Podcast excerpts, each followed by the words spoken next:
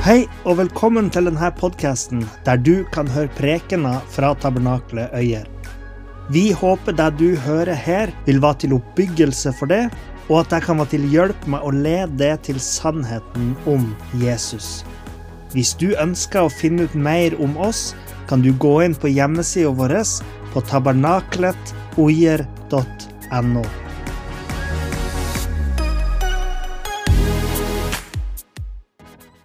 Vi skal fortsette med denne serien om Filippebrevet i dag.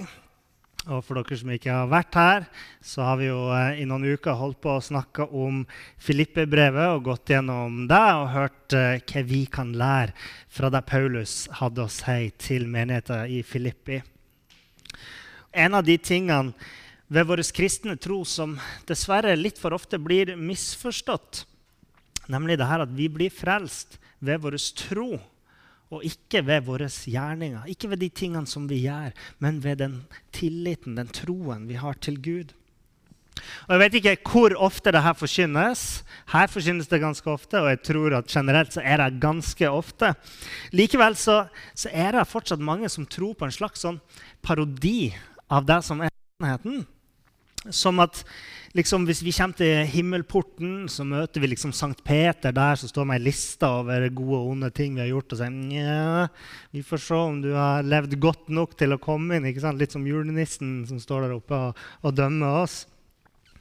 Og jeg tenker jo at Det er kanskje ikke så rart, fordi mye av populærkulturen, media, TV, filmer og sånne der ting, de portretterer jo kristne litt på denne måten. At man kan få inntrykk av at vi må gjøre botsgjerninger for å komme til himmelen. Vi må gå til eh, presten og, og legge av oss syndene der, liksom, i skriftemålet. og og um, ja, så kanskje folk òg har vært i kirka der, der, det blir lagt vekt på de ytre ytre handlingene som en del av det som skal til for å bli frelst.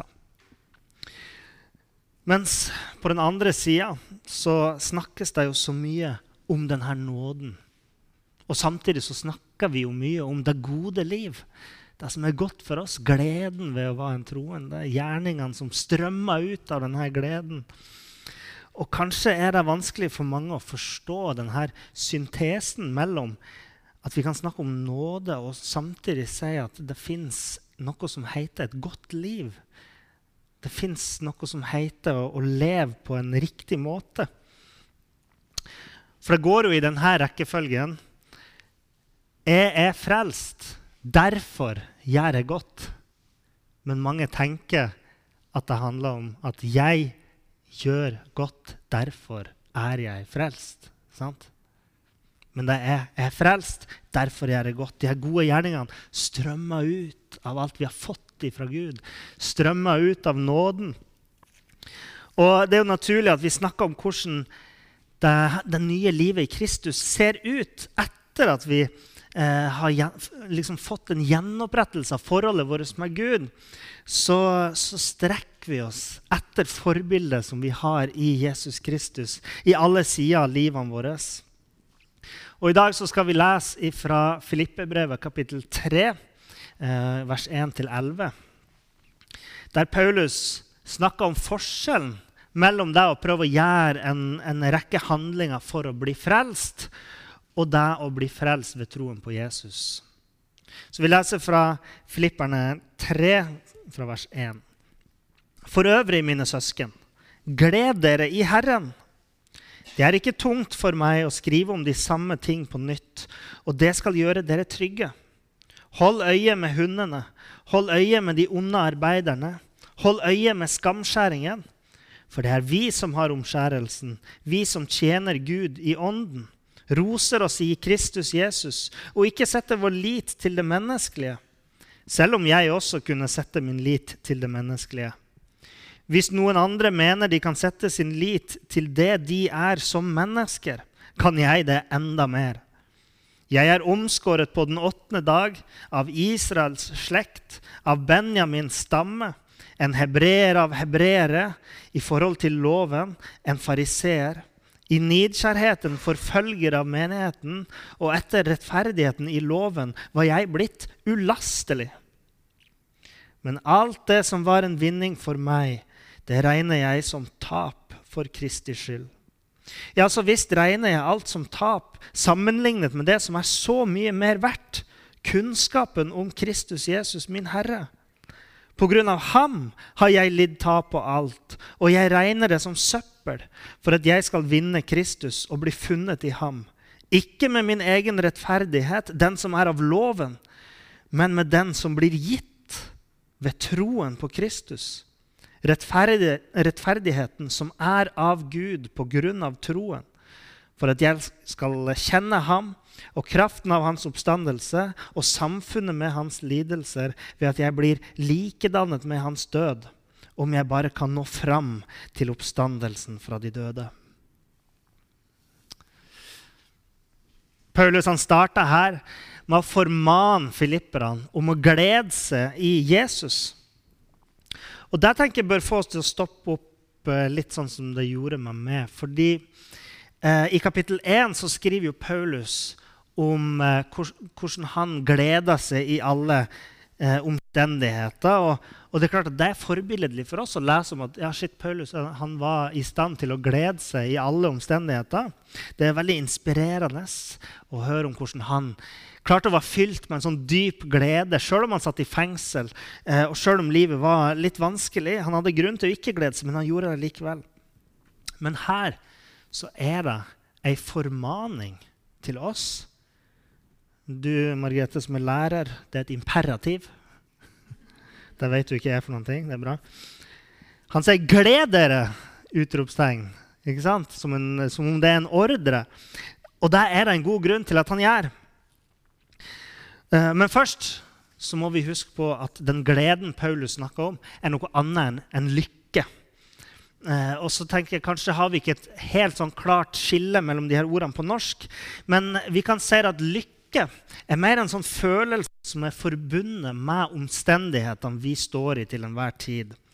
Eh, ordet lykke det kommer fra lavtysk, og det kan bety tilfeldighet. Så det har med de tilfeldige tingene som liksom finnes rundt oss, å gjøre. Og en pastor som heter John MacArthur, han skriver i, i sin kommentar til Filippe-brevet at gleden som Paulus snakker om, er ikke det samme som lykke, et ord som er forbundet med uttrykket tilfeldighet. En følelse av begeistring assosiert med gunstige hendelser. I virkeligheten vedvarer glede i møte med svakhet, smerte, lidelse og selv død gleden Paulus snakker om, er noe som ligger mye dypere enn de følelsene, omstendighetene rundt oss skaper i oss. Uansett hva som skjer med oss, så er det alltid grunn til å glede seg i Kristus.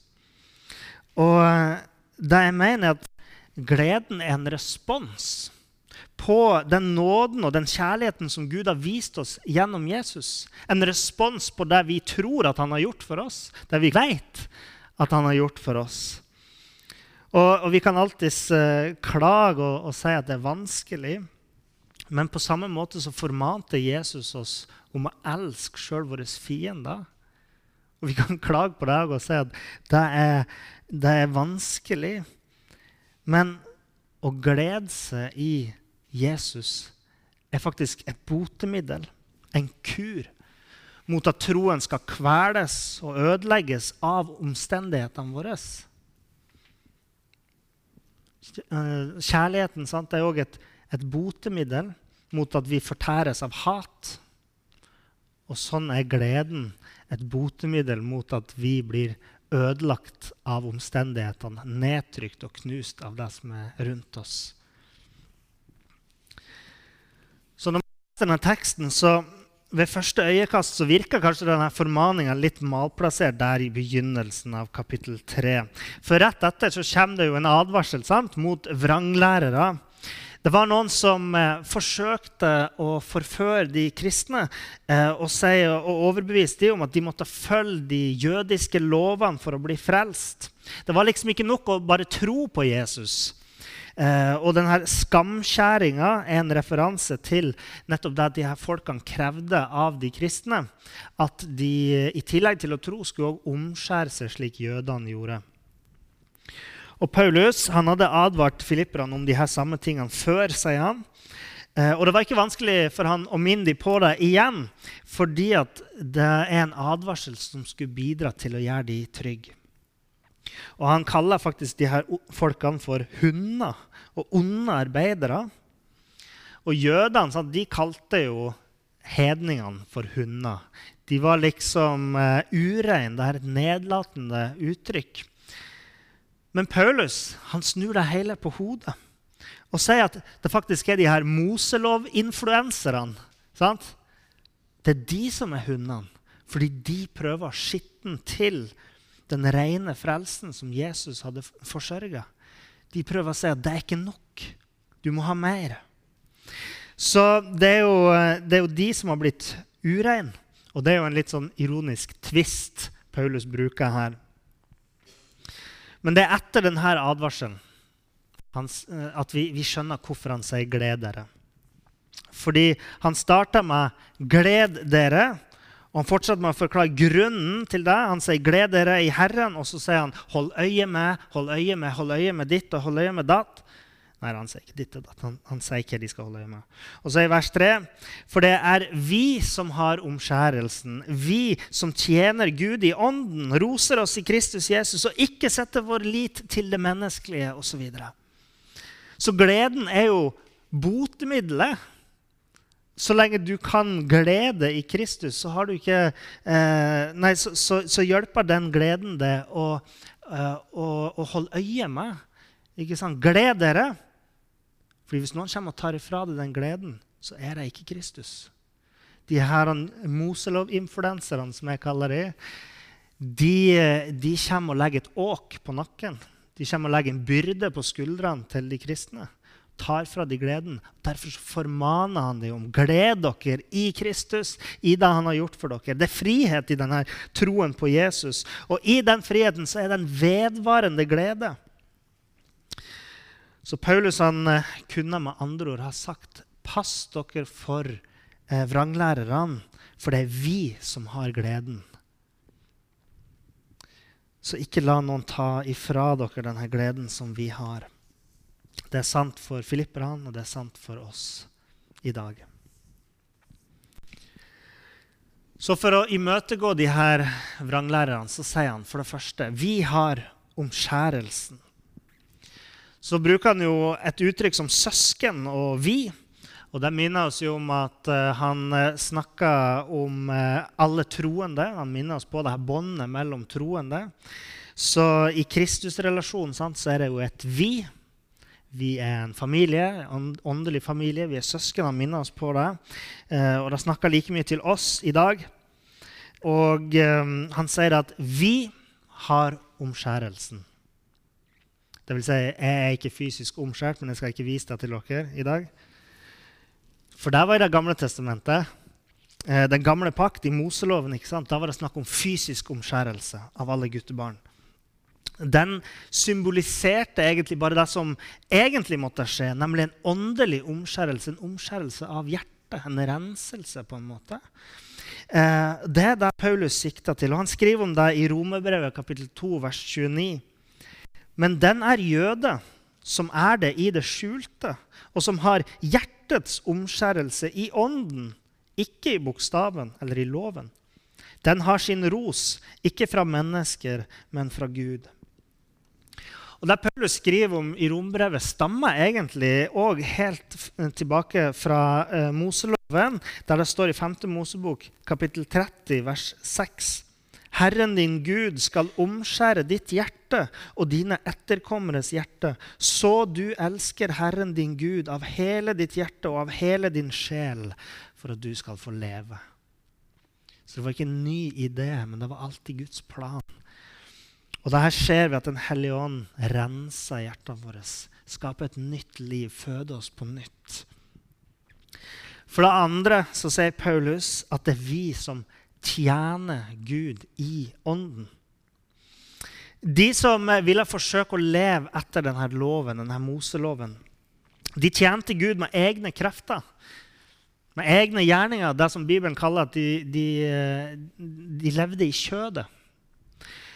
De ville tilfredsstille en allmektig Gud, universets skaper, med egne gjerninger. Og det er jo ikke tilstrekkelig. Men de som har den sanne omskjærelsen, de tjener ikke Gud i mennesket, i, i kraft av seg sjøl, men i kraft av Den hellige ånd, som blir gitt til alle de som tror. Og For det tredje så ser vi at han eh, sier at det er vi som roser oss i Kristus. Vi belager oss ikke på egne gjerninger. ikke sant? Um, alt vi er, det er vi pga. Kristus. Vår rette stilling, det at vi har tilgang til Gud og, og komme i hans nærhet, det har vi pga. Jesus. All ære tilhører Jesus, ikke sant? Så Derfor så har vi ikke noe å skryte av sjøl. Men vi kan bare sette vår tillit til det Jesus har gjort for oss. Det livet han levde for oss, den døden han døde for oss, den oppstandelsen han eh, hadde. Og, og det er noe vi kan gi ære til. For det fjerde så setter vi derfor ikke vår lit til det menneskelige. Takk Gud for at det ikke er vi som må frelse verden. Takk Gud for at det ikke er foreldrene våre som må frelse verden. Takk Gud for at det ikke er ungene våre som skal frelse verden. Men takk Gud for at det er Jesus som er verdens frelser.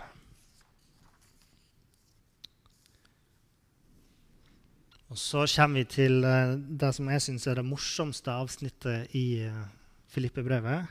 Eh, du må ta det med en klype salt, fordi det er jo ikke humor Bibelen er best eh, kjent for. Men eh, Paulus han eh, sier da at eh, sanne troende setter ikke sin lit til det menneskelige, sånn som vranglærerne gjør. Men hvis man skulle ha satt sin lit til det menneskelige, så hadde han hatt mye å skryte av.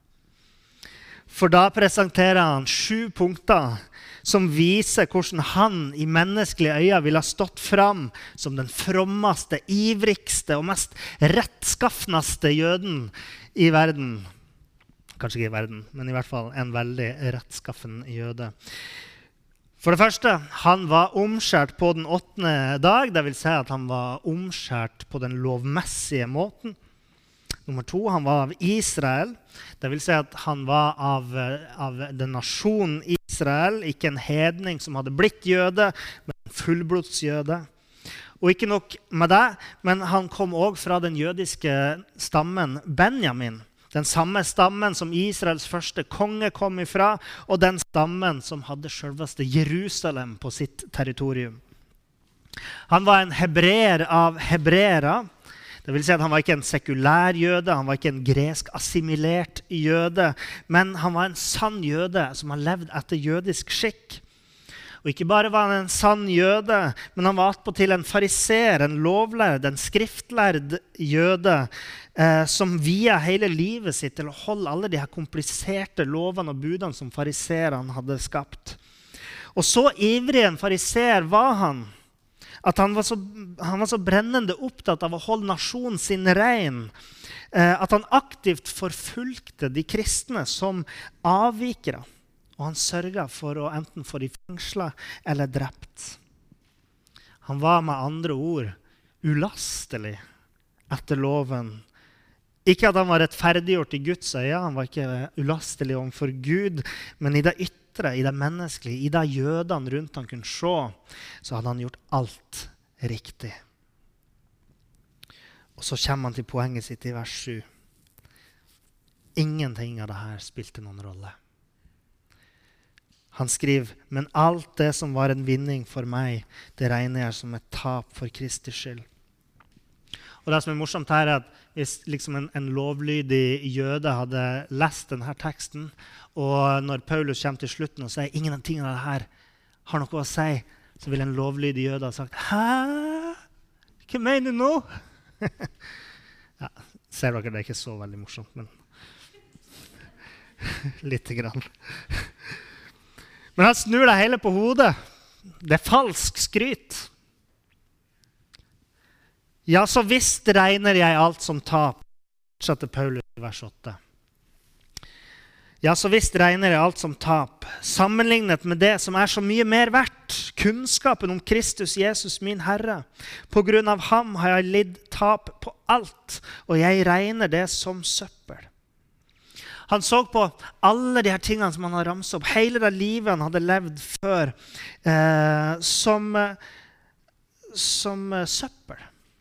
Alt han tidligere var overbevist om, alt det han levde for før, det så han på som søppel. På veien til eh, Damaskus på jakt etter nye kristne og forfølge, så møtte, Jesus, møtte, Paulus Jesus, og øynene til denne rettskafne fariseeren ble åpna. Og det her ordet 'søppel' det, kan, det, er faktisk et ganske sterkt ord. Vi kan oversette på norsk med 'dritt'.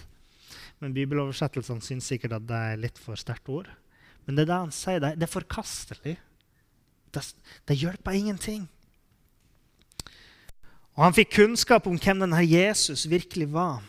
Hva han hadde gjort, hva han betydde for han og for menneskene. Det var det som gjorde at han ville forkaste sitt gamle liv. Og han skrev det i vers 9.: For at jeg skal vinne Kristus og bli funnet i ham, ikke med min egen rettferdighet, den som er av loven. Paulus han levde et liv der han trodde at det han gjorde, han trodde at hans fromhet, hans riktige handlinger gjerninger ville frelse han og gjøre han rettferdig. Men når hans øyne ble åpna for Jesus, han møtte Jesus og kraften som er i Jesus, så ydmyka han seg. Den her stolte fariseeren som hadde gjort alt riktig, han ydmyka seg, for plutselig så var ikke alle gjerningene hans tilstrekkelig lenger. Sjøl et helt liv som en lovlydig jøde var ikke tilstrekkelig. Han var fortsatt en synder. Han var sjølrettferdig. Men hans synder var ikke vaska bort. Han la bare på gode gjerninger på et fundament som var uholdbart. Han var rettferdiggjort i menneskene sine øyne, ja. Men i Guds øyne så var han bare et utilstrekkelig menneske som prøvde å bygge et Babels tårn opp til himmelen. Han trengte den, den rettferdiggjørelsen han fortsatte å skrive, han trengte den rettferdiggjørelsen som blir gitt ved troen på Kristus. Rettferdigheten som er av Gud på grunn av troen. Midt i det menneskelige strevet så oppdaga han at det var bare ett menneske som hadde levd perfekt. Bare ett menneske som kunne leve perfekt. Bare ett menneske som hadde ydmyka seg til det fulle. Bare ett menneske som hadde oppfylt lovens krav en gang for alle. Det var Jesus. Jesus hadde dødd for menneskenes skyld. Han sto i menneskenes sitt sted da straffen for all synd ble lagt på Jesus. Og nettopp fordi at Jesus sto i mitt sted og ditt sted, så kan vår skyld strykes ut. Du skulle ha vært der på korset, jeg skulle ha vært der, men Jesus sto der for oss. Så byrden av hele den loven som Paulus hadde prøvd å bære gjennom livet, ble løfta av han. Han satte ikke lenger sin tillit til seg sjøl, men han satte sin tillit til Gud. Han satte sin tro på Jesus, på at Jesus hadde brutt barrieren mellom eh, mennesker og Gud. At, eh, at eh, Jesus hadde vært med og revet ned skillet mellom eh, urene mennesker og det aller helligste innerst i tempelet. Nå var Gud tilgjengelig ved troen på Jesus. Denne rett rette stillinga som Jesus hadde overfor Gud, tilgangen Jesus hadde på Gud, overføres til oss ved troen. Og, og vi kan ta imot denne gaven eh, ved vår tillit til Han. Vi legger vår skyld på Han, og det kan du gjøre i dag. Og si til Han at, at jeg tar imot det du har gjort for meg. Legg din, din skyld og din synd på Jesus. Så vil Han gi deg hans rettferdighet slik at du kan bli frelst. Dette er Guds verk. Dette er Guds plan fra begynnelsen av. Og dette var det bildet som omskjærelsen peker framover mot. Og, og, vi kan i dag få lov til å ta imot denne sanne omskjærelsen, hjertets omskjærelse, som, som skjer ved at Den hellige ånd rører ved livene våre, forandrer oss på innsida i kraft av troen på Jesu døde oppstandelse. Um, er det noen som har sett på det Lego Masters på TV2? Jeg ble inspirert. Jeg lå i, i går kveld. Jeg har operert uh, ut ei tann uh, inni munnen, så jeg sover litt dårlig på kveldene nå. Uh, og da lå jeg og tenkte, og så kom jeg på denne illustrasjonen. Her er Paulus. da. Vet ikke om dere ser det. Og ser dere at han har litt sånn sjølgodt smil? Ser du det? Han ser litt sånn tøff ut. Ja. Og, og Paulus, han, han bærer alle gjerningene sine på hodet der. Der har han bygd opp et stort liv. Det er mye å bære på. Det er at han er en skriftlærd, han er en jøde, han er en fariseer. Han har forfulgt de kristne, han har gjort alt riktig. Men han står på et fundament av synd. Han, bærer, han prøver å bære seg sjøl opp til himmelen. Og det er jo ikke så veldig det er jo ikke så veldig stabile greier, det her, kan vi si. For det skal bare bitte litt til. Så mye til. For at alt faller i grus. Han kommer ikke til himmelen på denne måten. Maks en 10-15 meter opp i lufta. Men så har du Jesus. Dette representerer Jesus. Det er et fundament som er relativt solid. Det holder hele med. Og her så oppdaga Paulus at her så sto han støtt. På et fundament som ikke gir etter, som holder i alle omstendigheter. Her kunne han stå og glede seg over styrken i det grunnlaget Jesus hadde lagt for han. Og oppå fundamentet som Jesus hadde lagt ja, Nå ødela jeg det nesten. Oppå det grunnlaget så kunne han bygge sitt nye liv med gode gjerninger som jeg sier, strømmer ut ifra det Jesus hadde gjort. Og han kunne stå grunnfast på det her gode fundamentet som Jesus hadde lagt for hans liv. Så det var Ja, der datt han. Ja. Okay. Jeg trodde det var veldig solid, men uh, Så det var min enkle illustrasjon av det jeg snakka om i dag. Noen ganger så hjelper det oss å se ting for å huske det bedre. Når Paulus hadde lagt ifra seg lovgjerningene som han trodde ville frelse han, og bytta ut de med troen på Jesus, med det nye fundamentet, så sier Paulus i vers 10.: Da kjenner jeg ham, sier Paulus, og kraften av hans oppstandelse. Får del i hans lidelser og blir lik ham når jeg dør som han. Her beveger Paulus seg inn på forandringer som finner sted i livene våre når vi plasserer vår tro på Jesus. Det første sier Paulus, er at man kjenner Jesus. Ikke bare at man vet hvem han er, eller har hørt om han, eller har lest om han, men at man kjenner han personlig. Dette hadde blitt Paulus' sin nye prioritet i livet. Han skrev tidligere i Filippebrevet at 'for meg er livet Kristus'. Ehm, det handler om å komme inn i et nært, et personlig forhold med frelseren Jesus. Paulus møtte han, så han, hørte han stemme. Så vi kan få lov til å be til Jesus og lytte til hans ord og la livene våre formes av hans bilde. Men det er òg en, en erfaringsdimensjon. Nå er det ikke bare sånn at vi, vi, bare kan lese om Jesus og kjenne han på den måten og, og, lære alt han har sagt. Men vi kan erfare han gjennom å kjenne at vi er nær Gud. Ved å kjenne at noen faktisk lytter når vi ber. Og se at bønnene blir besvart.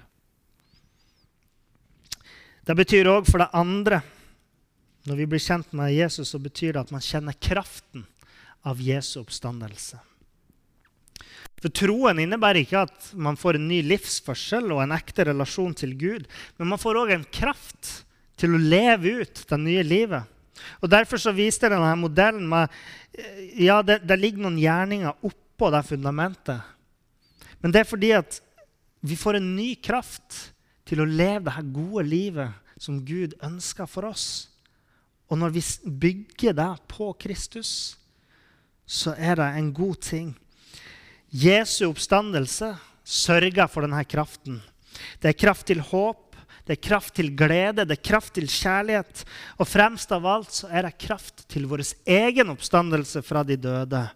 Både i dette livet, men òg i det neste. Vi blir født, født på ny her i dette livet, men vi venter òg på en oppstandelse fra de døde i framtida.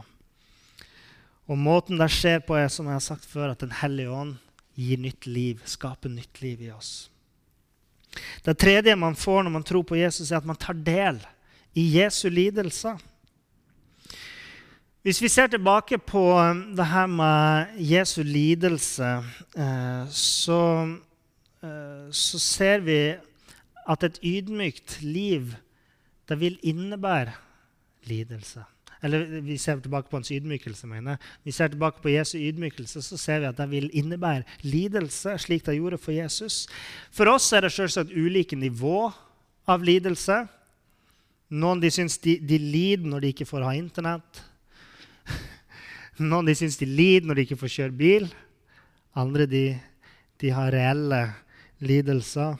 Så det er ulike ulike nivåer av vår lidelse i, eh, i vår relasjon til Kristus. Men, eh, men tingen er da at i all vår lidelse, all vår individuelle lidelse, så har vi et bånd til Kristus. Det er en del av det kristne livet. Vi får del i hans lidelse. Og Paulus han skrev i 2. Timoteus kapittel 3 vers 12 at alle som vil leve et gudfryktig liv i Kristus Jesus, skal bli forfulgt som også er i tråd med det Jesus sa. Han forbereder oss på det. Og jeg syns Martin Luther han, han, skriver så treffende at de ga vår mester en krone av torner. Hvorfor håper vi da på en krone av roser? Han hadde noen gullkorn. Det fjerde som skjer når vi plasserer vår tro på Jesus, er at vi blir likedanna med Jesu død. Dette peker tilbake til det Paulus skrev om Jesus i kapittel 2, der Jesus tjener som en modell for vårt nye liv. Dette innebærer at man eh, gir hele sitt liv til Gud. På samme måte som Jesus han ydmyka seg. Han var lydig helt til det punktet der han var villig. Han som hadde levd det perfekte livet, var villig til å dø for syndige menneskers skyld. Og vi er kalt til å formes til Kristus-likhet hele vårt liv. Sjøl om det koster oss alt. Sjøl om vi må gi opp vår egen stolthet, sånn som Paulus måtte gi opp sin. Gi opp alt han hadde bygd livet sitt på før. Det å bli likedanna med Jesu død og gi like mye som han.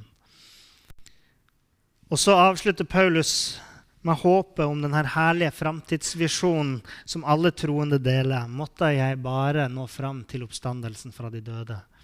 Eh, det er ikke det at han tviler på det, men eh, Paulus han beveger seg nå fra det som, eh, det som er nå, til det som skal komme, nemlig oppstandelsen fra de døde.